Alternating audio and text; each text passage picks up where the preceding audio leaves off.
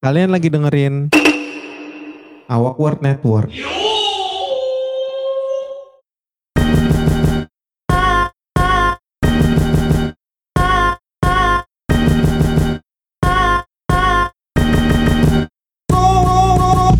Selamat pagi, siang, sore, petang, dan malam semua. Di mana pun kalian dan kapan pun kalian mendengarkan podcast ini. Baik lagi di Awak Word Podcast bersama gua Muhammad Rizky Fauzan, at Morris di seluruh sosial media kecuali LinkedIn. Dan gua Rizka Farah, biasa dipanggil Farah atau Bas.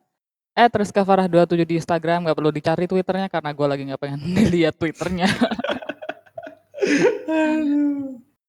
ya, Udah lama gue gak ngintro gitu aja. Kapan nih terakhir ya? Udah lama banget. Kayaknya terakhir yang kemarin kita sempat bikin kon konten cinta-cintaan itu gak sih? Iya. Bahkan gak diupload loh itu. Gak diupload. kita, kita grinding banget tuh. Wow, gitu. Ini yang denger gak tahu apa cinta-cintaan. Iya. Tidak tahu. Kita bikin Indomie kan. Gak ada yang hmm. tahu. udah jadi internal aja udah. Aduh. Ya. Ini, Ini kayak pertama kali deh gue nge-host di Awkward, maksudnya gue tuh maksudnya kalau sama yang lain sering, cuma lebih kayak gue hadir lo dan, uh, apa, Lutfi lebih banyak ini, jadi tandem gitu. Ah, iya iya iya. Sebenarnya sih itu Far niatnya, kayak same ground aja gitu. Hmm. Biar lebih gitu. fleksibel juga ya, oper-operan. Nah, itu juga tuh, kalian juga ini lumayan nih bridgingnya. Kita mau klarifikasi klarifikasi dikit soal kondisi Awkward seperti yang tadi udah kita mention kayak kita udah lama nggak rilis dan tidak ada kepastian yeah. dan tidak ada update di sosial media kalau barangkali kalian follow ya kita malas. Intinya itu. Intinya itu kita malas. Sebenarnya uh, ada hal lain yang sebenarnya kalau dari sisi gua ya gua emang termasuk yang jarang rekaman untuk awkward kalaupun rekaman akhirnya kan kita di podcast masing-masing ya kan? Yes. lo di uh, biar gue di 46 degrees. Gue di 46 oh. degrees pun ditagi-tagi sama yang lain men. Oh jawabannya antara iya kita malas kami malas maaf bahasa Indonesia. Kami malas oh, okay. dan kami malas dan juga kami sibuk. Sibuk itu sebenarnya ini ya understatement ya Nah itu, itu. uh, intinya kayaknya sih ke depannya kita bakal rilis sesempatnya dan sebisa aja kalau ada yang mau rekaman gitu. Dan ya tadi yang mungkin Farah udah mention kayak ini pertama kalinya nih Farah jadi host gitu. Kayak yes, kita berdua doang gitu. Uh, dan ya kemungkinan bakal kayak gini-gini. Nanti kita bakal kayak campur-campur mungkin Lutfi sama Kevin mm. atau Farah dan Kevin. Gak ada mm. two OGs. two kan OGs Iya, kan di covernya aja kan makin ramai makin awkward berlima kan. Iya. Nah, tapi kayaknya untuk berlima kita tunda dulu soalnya ribet ngumpulin orangnya. Ya, biar ini kayak box box aja ya, bisa oper-operan aja berdua berdua, bertiga bertiga gitu. Walaupun abis ini kayaknya gue dimarahin anak-anak 46 Inggris kayak. Bisa loh nah, iya. awkward ya. Podcast uh, film apa kabar? eh, ini sebenarnya gini, dulu kan gue takut untuk lanjutin showcaster itu karena gue takut burning the bridge ya. Yeah, yeah, karena yeah. ya jalur gue ke sana. Tapi makin ke sini kan gue makin menjauh ya dari industri sinema ya. Jadi gue merasa yeah. kayaknya ini adalah waktu yang tepat untuk show showcaster balik gitu. Waduh. gue udah gak takut lagi untuk ngomong. Tapi uh, itu gue sih membuat untuk kemudian hari deh. Oke okay, oke. Okay. Jadi karena showcaster masih disimpan untuk kemudian hari kita bahas filmnya di sini ya. Yes betul. This is showcaster uh, 2.0 for yeah. this episodes only. ya yeah, ini awkward incognito mode ya. Ini showcaster yeah. incognito ya. Sedang menyamar. Betul betul betul. Ya. Yeah. Jadi kali ini kita bahas apa Far? Um, bahas film yang ramainya ramai banget ya. Uh, gak cuma di Indonesia, gue rasa di Asia Tenggara bahkan trending di beberapa, uh, region lain di Netflix, uh, di berbagai negara di dunia yaitu, uh, the one and only Photocopier. Seharusnya mereka yang tanya soal pembenaran itu, Pak. Suruh apaan sih lo? Kenapa sih lo? Hah? Stop, stop, stop, stop, stop! Bapak udah! Lu usah cucu-cucu segala! Iya! Wah, salah tuh! menghentikan persebaran arah menerapkan 3M menguras, menutup, mengubur Udah gue gak ya. suka yeah. fotokopier, lebih bagus penyalin yeah. cahaya. Iya, iya, iya. Gue gua gak suka nama Inggrisnya. Uh -uh, karena biasa banget fotokopier tukang fotokopi gitu. Tapi kalau yeah. penyalin cahaya, kapan sih lo nyebut fotokopi penyalin cahaya gitu? Kayaknya nggak pernah. Karena nggak padanan puitis dalam gitu. heeh, nggak puit nah itu puitisnya di situ. Karena memang fotokopi di padanan bahasa Indonesianya itu ya udah fotokopi.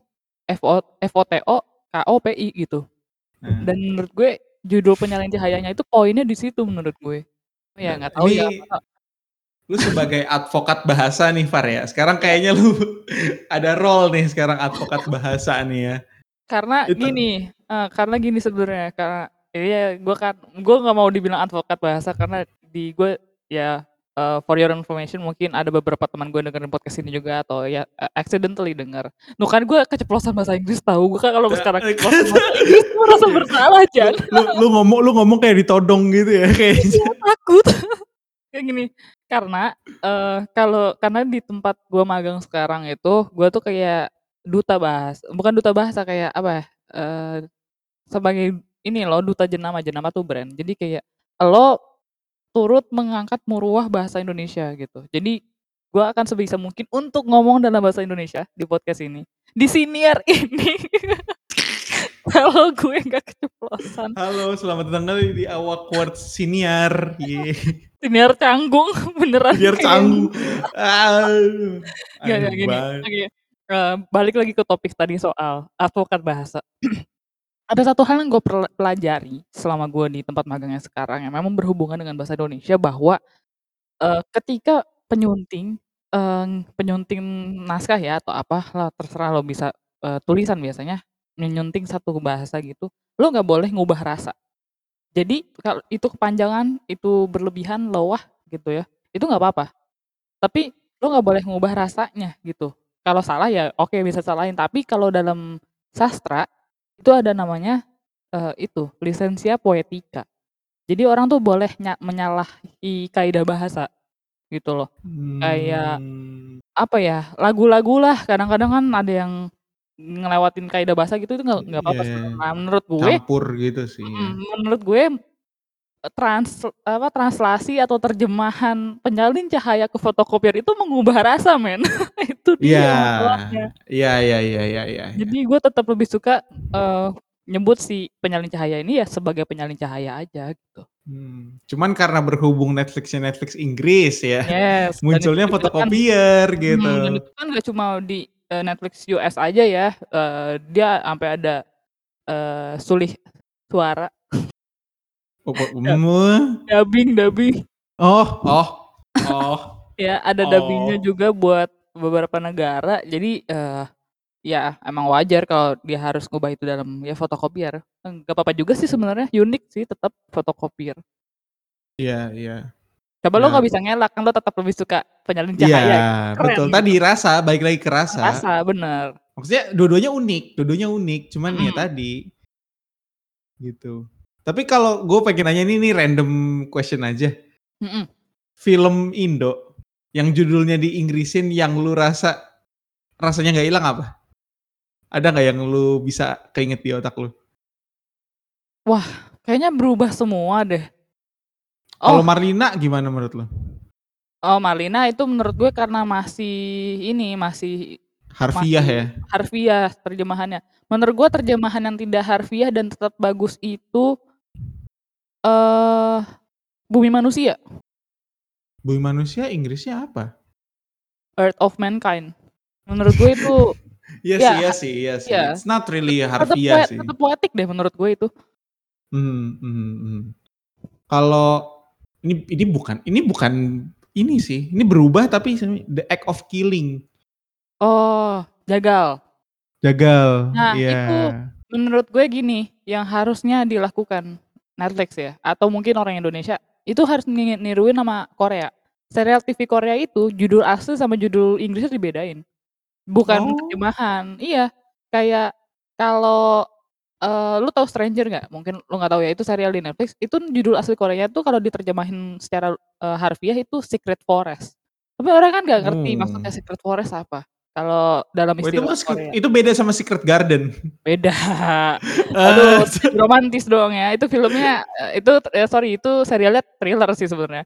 Nah itu kalau Oh. kalau versi judul bahasa Inggrisnya itu cuma Stranger, udah gitu. Oh. Simpel itu. Jadi menurut gue itu juga harus dilakukan oleh inian Indonesia sih. Maksudnya, eee, kreator konten Indonesia, eee, kalau misalnya lo, eee, niatnya lempar ke pasar, eee, yang lebih luas, lo harus siapin judul yang nggak ngalahin maksud si judul aslinya gitu. Dan itu nggak apa-apa kalau emang beda. Tapi kalau dalam hal ini kan fotokopian masih masuk ya. Jadi that's okay. Emang itu poin filmnya juga, fotokopi. Sobat Ambiar juga keren tuh. Mhm. Iya itu Jadi juga. Heart Black Club, iya. Malah jadi keren ya. Iya jadi keren. Iya itu maksud gue. Jadi lo nggak harus bener-bener kalau Sobat Amir lo translate Iya. secara harfiah kayak gimana? Iya. Ambiar Ambiar. Friends gitu, Ambiar Fella, Eee, Ambiar apa, Group kayak. Heartbreak Friends, Heartbreak Group kan nggak oke. Heartbreak apa Heartbreak Club lebih oke gitu. Hmm, padahal klub bukan sobat kan kalau Iya, harfiah ya. Iya makanya gue bilang nggak harus secara benar-benar harfiah. Oh satu lagi yang bagus, eee, Kucumbu Tubuh Indahku. Jadi. Ah, yes, lebih that's- suka. itu gak harfiah banget, itu gak Itu harfiah nggak banget. harfiah. Dan tapi masih masuk ke konteks filmnya kan tentang si memorinya si siapa Aha. itu tokohnya itu. Nah itulah. Ya. Oke, oke, kita kita berhenti bahas-bahas. about language ya. Oke, oke.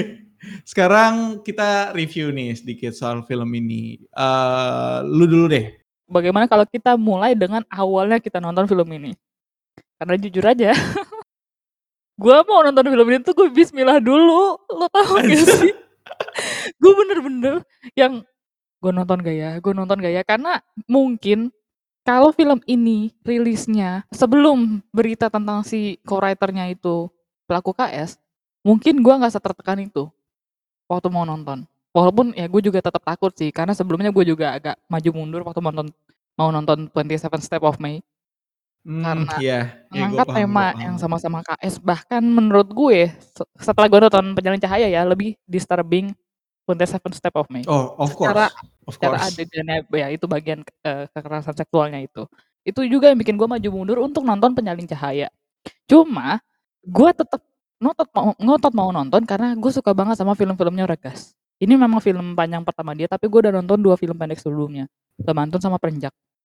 Karena emang dosen gue, Oh. eh, dosen gue inilah pokoknya anak apa dia IKJ banget gitu lah. Gue berapa kali kayak oh Gue gitu. kira dosen lu regas gitu kayak, wah, Oh, gitu. kalau dosen gue Regas ya gitulah pokoknya. Jadi gue sudah memasang ekspektasi film ini memang pasti bakal bagus dan jujur aja setelah gue nonton pun ini masih sama dengan ekspektasi gue bahkan mungkin melebihi ekspektasi gue cuma sebagai perempuan gitu ya dari Hmm. premis dari apa yang sudah dibahas teman-teman yang udah nonton di eh, JAFF gue jujurnya takut gitu. jadi emang gue tahu gue bakal tertekan dan begitu gue nonton ini gue bakal mengorbankan semua kewarasan gue selama seminggu sebelumnya gitu. Gue tahu ini akan terjadi dan dan itu be- memang benar terjadi. Gue stres sepanjang film. Yang benar-benar tertekannya tertekan banget nahan napas dan eh, sekedar informasi sekadar informasi maaf. Itu gue nontonnya. Pertama kali tuh nonton bareng. Tahu kan? Artist Party. Oh. apa bukan separty iya. lagi sih namanya teleparty itulah ya. Dan itu bareng teman-teman di Discord jadi masih ngobrol gitu loh yang masih diskusi. Jadi semengganggunya apa yang gue lihat gue masih ada inilah ya masih ada distraksi gitu. Karena gue ngobrol Iya. sama orang gue diskusi. Nah gue sebelum gue rekaman ini sama lo gue nonton sekali lagi. Dan gue tahu gue kayak orang masokis gue nonton sekali lagi. Ya gue bodoh sekali memang. Gue mau melambaikan tangan ke kamera dan jujur aja gue jadi tertekan lagi. Emang gue goblok sih gue mau gue mau mengorbankan kewarasan gue tapi gue jadi lebih ngeliat banyak detail gitu begitu gue nonton, nonton sendiri. Dan ya memang ini adalah film yang pertama kali setelah sekian lama gue nonton film Indonesia ngeluarin emosi dalam dalam diri gue terakhir kali gue ngerasa yang emosi emosi banget itu emosi maksudnya em- emosi eh, kan ada jenis-jenis emosi ya. Emosi Hmm. yang benar-benar besar itu terakhir gue rasain waktu gue nonton Kucumbu Tubuh Indahku dan itu tiga tahun lalu dua tahun lalu deh. Dan itu gue pengen nangis tuh begitu akhir ini jelang akhir cerita Oh, iya, musik emang. eh, musik apa soundtracknya tuh apatis yang Mondo Gascoro masuk tuh gue udah Iya, kayak iya.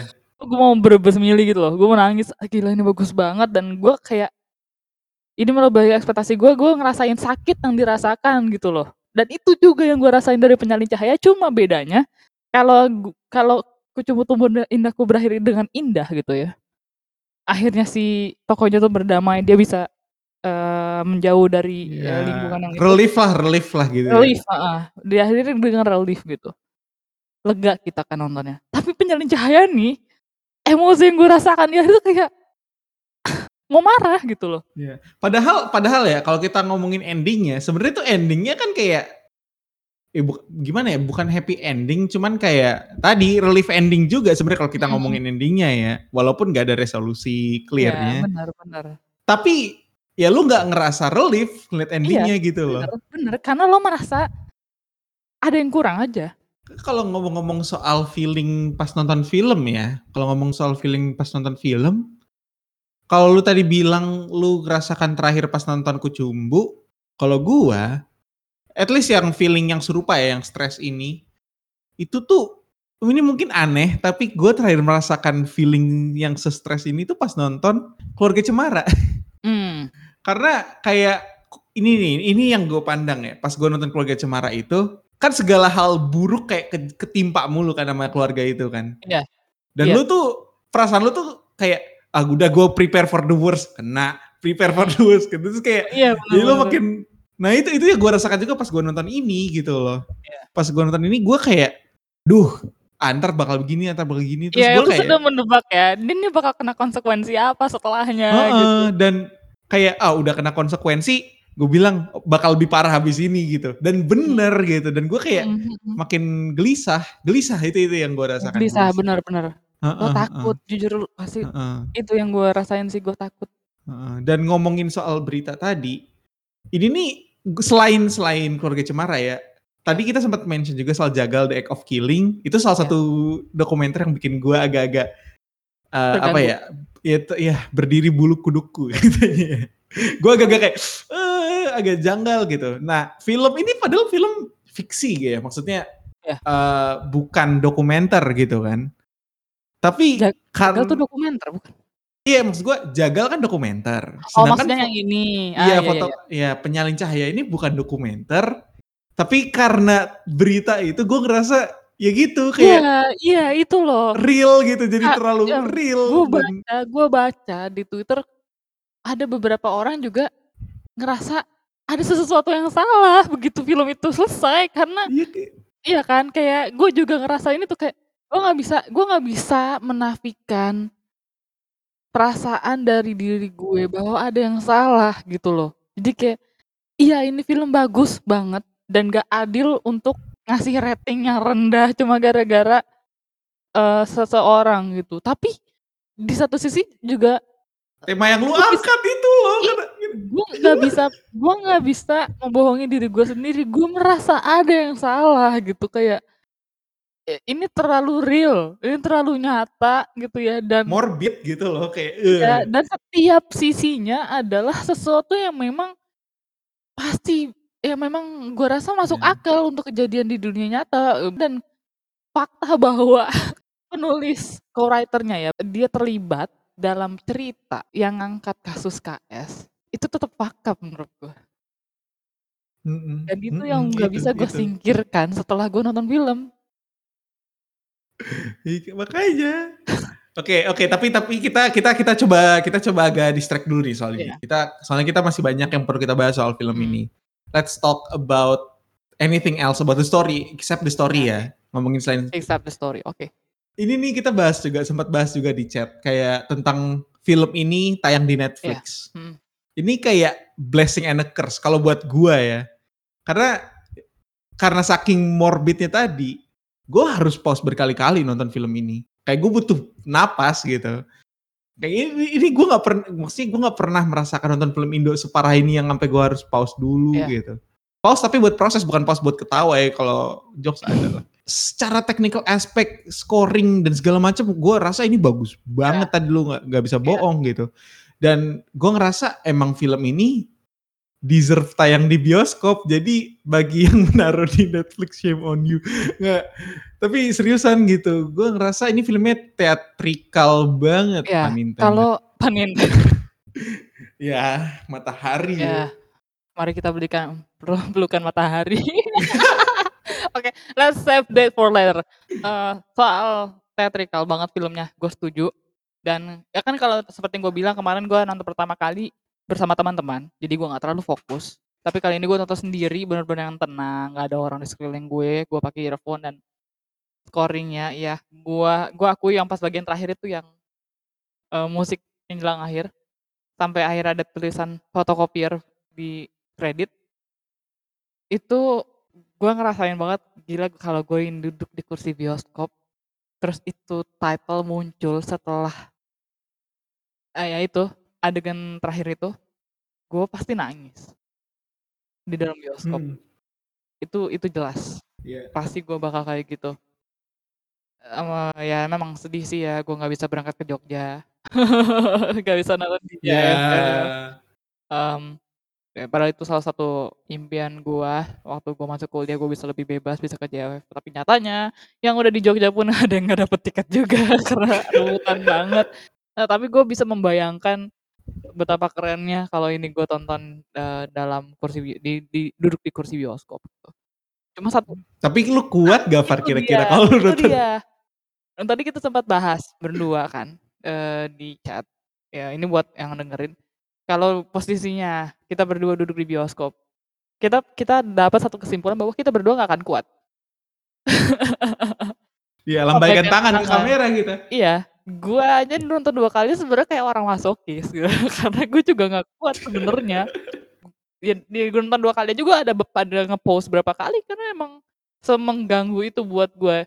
Dan gue rasa gue akan keluar di salah satu adegan di tengah film, yang memang udah cukup mengganggu banget buat gue, yang kayak gue udah nggak kuat. Gue pernah ngerasain ini waktu gue nonton gue nonton Hereditary, kayak, "Ah brengsek," gue bilang, Hmm. "gue nggak bisa lanjut," gitu, karena udah nggak kuat. Dan Hereditary itu kan horor ya. Iya. Itu nggak horor. Ini bukan horor. Gue tuh merasa seterganggu itu, kayak gila gitu gue bilang. Astaga. Tapi nah tapi ya satu lagi emang, itu kekuatannya, scoring-nya, musiknya, color grading-nya gitu. Dan jenius menurut gue mereka pakai color grading, eee, ijo ini, karena jarang banget digunain apalagi di Indonesia, gue rasa belum ada deh. Gak cuman color grade-nya sih, tapi juga tone-nya juga kan karena lu bik maksudnya segala aspeknya gitu loh, kayak kampusnya lu kasih Bahkan alma mater ijo. warna kuning. Iya, benar, kayak nggak memang putih semua gitu. hal emang dibikin untuk Iya. nge-support color grading. Iya, makanya kayak kayak gue rasa banget technical kayak gila ini mah gue gue impactful banget gitu, nggak bohong. Tapi kalau ngomong inilah Iya. kan kita udah ngomong cerita sedikit. Iya. Intinya bikin stres dah. Iya. Terus kita ngomong technical. Iya. Kalau kita ngomong acting, gimana pendapat lu soal ini? bukan bukannya Ada gue highlight kah? Gimana? tapi gue ngerasa di sini paling stand out tetap, eee, Shenina. Oh lu nger ngerasa Shenina stand out ya? Stand out, eee, di saat mungkin orang pada bilang terkagum sama sosok Farah, bukan gue, Farah, iya, Lutesha. Eee, pun intent, pun intent. I wish I was Mmm, Lutesha. iya, eee, Lutesha, eee, memang gue akui, eee, si Farah yang emang Fierce itu kan keren banget ya pasti dengan rambut pendeknya, apa ya, development karakternya dari yang apa nih, senior setengah nih, tiba-tiba jadi yang kayak bantuin gitu segala macam, gue tahu orang pasti bakal terkagum sama acting Lutesha Farah. Dan, eee, okelah Shenina itu udah pasti dia pasti dapet highlight itu karena dia tokoh utama. Eee, apa, ekspresi wajahnya, Sur, sepanjang film, Mhm eee, lu mhm. kayak berapa kali close up gitu, lu lu bisa ngelihat berasa bener-bener si Sur ini emosi. Gue rasa untuk, mmm, Iya, mengeluarkan dan ekspresi seperti kebingungan itu kayak linglungnya iya sih Ya kerasa. walaupun mungkin gue juga akan sama marahnya ya kalau ada disuruh acting kayak gitu juga pasti kayak ngerasain, gila kalau gue posisinya ini adalah kejadian beneran gitu. Ngeluarin ekspresi kayak gitu, yang bener-bener gue bahkan bisa ikutan marah, eee, itu tuh keren banget. Jadi, menurut gue Shenina tetap harus dapet, eee, spotlight buat orang-orang gitu. Cuma yang sat satu jadi catatan gue, eee, gue suka sama acting-nya Ciko Kurniawan sebagai Mhm. Aminski. Tapi yang bener-bener, eee, menarik perhatian gue itu si Tarik. Jerome Kurnia. Iya si Jerome Iya. kan emang. Iya bener. Terutama di adegan yang tadi yang lu bilang apa peluk. Heeh, mari kita berikan pelukan matahari pelukan untuk tarik. Itu tai banget sih emang itu. Heeh. Heeh. Dan kayak gue juga sebenarnya ya kalau ngelihat ini ini oke, gue mau nanya, Jerome tuh ada di Gossip Girl Indonesia nggak sih? Ada deh kayaknya. Gue baru nonton. 2 episode tapi gue rasa ada. Iya nggak, soalnya gue gue inget acting dia di situ dan di sini kayak gue liat what, gue gue kaget banget gitu dan emang parah banget sih gue gue salut banget dan memang maksudnya gak cuma kita yang ngasih apresiasi, dia menang FFI di pemeran pendukung pria terbaik. Iya. Menurut gue ya, itulah kenapa naskah adalah tulang punggung sebuah film. Iya. Iya kan kan kan Kayak ucapannya Joko Anwar karena emang sepenting itu men kayak lo lihat yang jadi Rama ya kan ah, dia main di Dilan kan Iya. Oh, oh, oh iya ya. Iya. Oh iya jadi temennya iya iya iya. lo bisa ngerasain kan bedanya Aha, aha, aha. gue merasa talenta-talenta muda yang ada di film ini tuh jadi beneran kelihatan mereka punya talenta karena naskahnya mendukung gitu Dan memang ya eh, kalau ngomong soal FFV tadi kemarin tuh dia sapu bersih, gak sapu bersih sih ya, cuman banyak banget ngambil ya. itu tuh nyaris kayak waktu zamannya Marlina gak sih yang kayak lo tahu Ya. lo tahu lah pasti Marlina yang ngambil gitu. Clear winner. Heeh, Heeh. cuma bedanya kalau nggak salah Marlina waktu itu udah udah tayang di Indo gak sih? udah tayang. Iya. Jadi eh, orang kayak udah expect kayak ah Marlina gitu. Makanya penyalin cahaya nih belum gitu kan, baru tayang di Hmm. festival. Jadi kayak kita masih Dan harus nebak. FFI ini apa ngebus excitement gua Nah, jujur. Itu itu benar. Dan ini kan feature filmnya pertama Regas ya. Jadi kayak excitement gua tinggi karena gua emang udah suka dia. Apa FFI juga gila 12 penghargaan. Eh, lagi seleksi juga untuk Busan kan. Jadi menurut gua ya bener-bener wajar sih eh, dan apa yang gua lihat setelah setelah segala macam excitement itu terbayar, jujur aja terbayar banget. Tapi eh, masih soal pemain ya menurut gue. Banyak dari pemain yang gue tahu mereka sudah ada film sebelumnya. Jujur aja gue nggak merasa sebelum film ini gue nggak merasa mereka sekuat itu. Maksudnya gimana tuh? Maksudnya gimana tuh? Gue nggak waktu itu kayak nggak menyadari lah gitu talenta mereka gitu. Oh. Sampai akhirnya sampai akhirnya gue nonton film ini kayak gila sih. Makanya gue bilang kayak gue bilang kadang tuh masalah kayak ini pernah gue ngomongin deh ke lo soal Jeffrey Nicole ya.